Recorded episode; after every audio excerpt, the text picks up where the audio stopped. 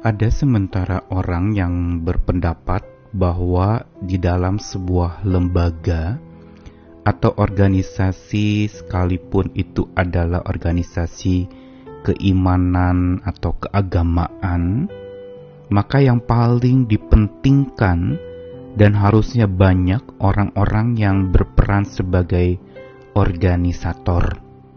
Namanya juga organisasi, maka yang lebih penting adalah para organisatornya, yaitu orang-orang yang mengorganisasikan semuanya, orang-orang yang mengorganisir segalanya, sehingga bisa tertata rapi dan teratur.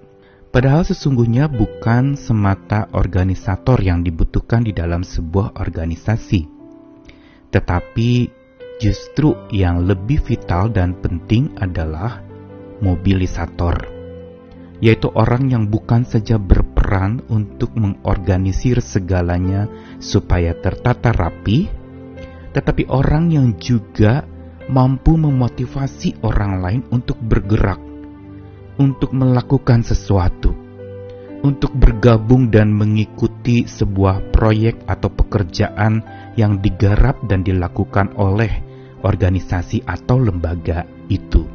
Begitu pula di dalam keimanan kita kepada Tuhan. Tuhan sesungguhnya bukan memanggil kita semata menjadi organisator-organisator keimanan kita, tetapi mobilisator.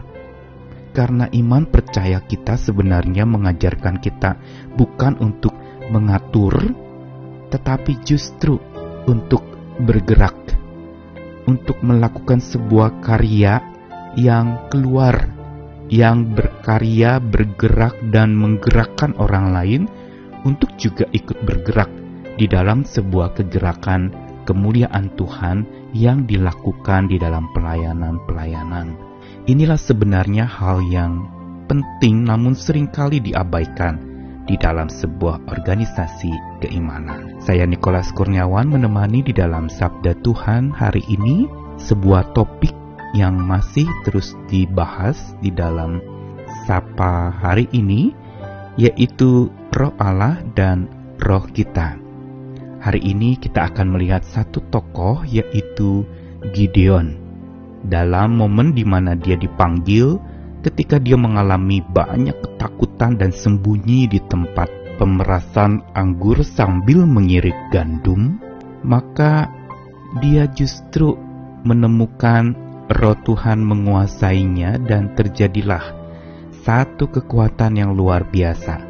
Lewat Gideon, banyak orang bergerak mengikuti dia. Hakim-hakim pasal 6 ayat 34 sampai 35. Pada waktu itu roh Tuhan menguasai Gideon. Ditiup nyala sang kakala dan orang-orang Abiezer dikerahkan untuk mengikuti dia. Juga dikirimnya pesan kepada seluruh suku Manasye dan orang-orang ini pun dikerahkan untuk mengikuti dia. Dikirimnya pula pesan kepada suku Asher, Shebulon, dan Naftali, dan orang-orang ini pun maju untuk menggabungkan diri dengan mereka. Tuhan tahu betul apa yang dirasakan dan ditakutkan oleh Gideon. Gideon sebagai anak yang bungsu dari suku terkecil pula merasa dirinya tidak mampu untuk melakukan tugas panggilan Tuhan. Karenanya, kita bisa melihat bahwa Roh Tuhan menguasai Gideon untuk satu hal yang menjadi karya Roh Allah juga, yaitu membuat orang-orang tergerak dan bergerak untuk mengikuti Gideon dan bersama-sama dalam satu barisan tentara untuk berjuang bagi Tuhan. Dan pada waktu itu kita melihat bagaimana Gideon dikatakan meniup sangkakalanya. Setelah roh Tuhan menguasai Gideon, maka ia meniup sangkakala dan orang-orang Abiezer, suku Manasye, Asher, Zebulon dan Naftali itu mengikuti dia. Ini sungguh merupakan satu karya roh Allah yang sering kali kita lupakan yaitu karya penggerakan. Roh Tuhan bukan saja menginsyafkan dengan kebenarannya, tetapi roh Tuhan juga menggerakkan seseorang yang tadinya statis menjadi dinamis, seseorang yang tadinya pasif menjadi aktif, seseorang yang tadinya tidak mau menjadi mau, seseorang yang lebih suka untuk melipat tangan akhirnya membuka tangan, dan seseorang yang tadinya bungkam seribu bahasa lalu menjadi berbicara oleh gerakan roh Allah. Kita melihat lewat kisah ini bagaimana Tuhan menggerakkan lewat tiupan sangkakala Gideon. Dan setiap umat Tuhan hari itu terpanggil untuk mengikuti Gideon dan berjuang bersama-sama dengan Gideon.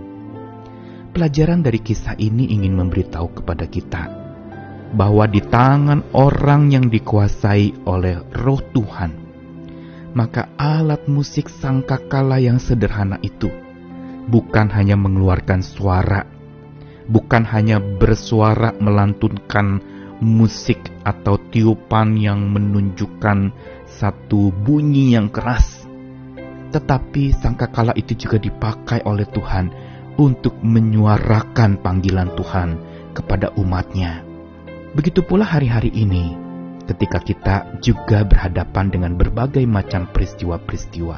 Perhatikanlah, bisa jadi peristiwa itu adalah sangkakala di tangan Tuhan.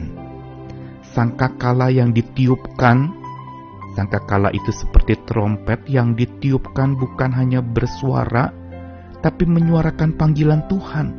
Masa sulit, penderitaan, dan kesengsaraan bisa jadi seperti sangkakala yang sedang menyuarakan panggilan Tuhan kepada kita, agar bila pada zaman Gideon orang-orang itu lalu mengikuti Gideon, berjuang bersama dengan Gideon, maka hari ini trompet penderitaan, trompet pandemi, trompet atau sangkakala kesusahan hidup kita sebenarnya adalah suara panggilan Tuhan untuk kita agar tetap bangkit bergairah oleh kekuatan rohnya, bukan kekuatan daging yang sementara dan bisa binasa, tapi bangkit bergairah karena kekuatan roh Allah di dalam kita.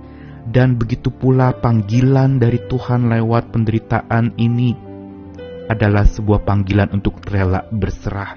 Tiupan sangkakala Gideon itu mengundang semua orang untuk datang dan rela menyerahkan diri kepada Tuhan ikut bergabung dalam barisan tentara Allah untuk berjuang di masa-masa yang susah. Dan bukan itu saja sangka kala Gideon juga mampu untuk membuat orang-orang terkerahkan bergabung untuk terlibat di dalam pekerjaan Tuhan. Begitu pula hari-hari ini pada masa penderitaan yang menjadi sangkakala yang ditiupkan adalah panggilan Tuhan agar kita juga mau dikerahkan bergabung bersama dalam suasana dan semangat kebersamaan untuk pekerjaan Allah tetap dinyatakan dan dilakukan bersama. Inilah sebenarnya sebuah pesan yang penting. Sangka kala Gideon menjadi simbol panggilan Tuhan dinyatakan. Hari ini sangka kala Gideon itu bisa berupa penderitaan dan kesusahan yang merupakan panggilan Tuhan buat kita untuk bangkit bergairah, rela berserah, mau dikerahkan untuk bergabung bagi pekerjaan Tuhan untuk kemuliaan nama Tuhan tetap disebarluaskan lewat hidup kita. Karena itu, tetaplah hidup dikuasai oleh roh Tuhan. Jangan mau dikuasai oleh keinginan daging. Tetaplah bergairah, berserah, dan mau mengerahkan segala apa daya kita untuk melakukan karya Tuhan. Selamat berserah dan hidup di dalam rohnya. Amin.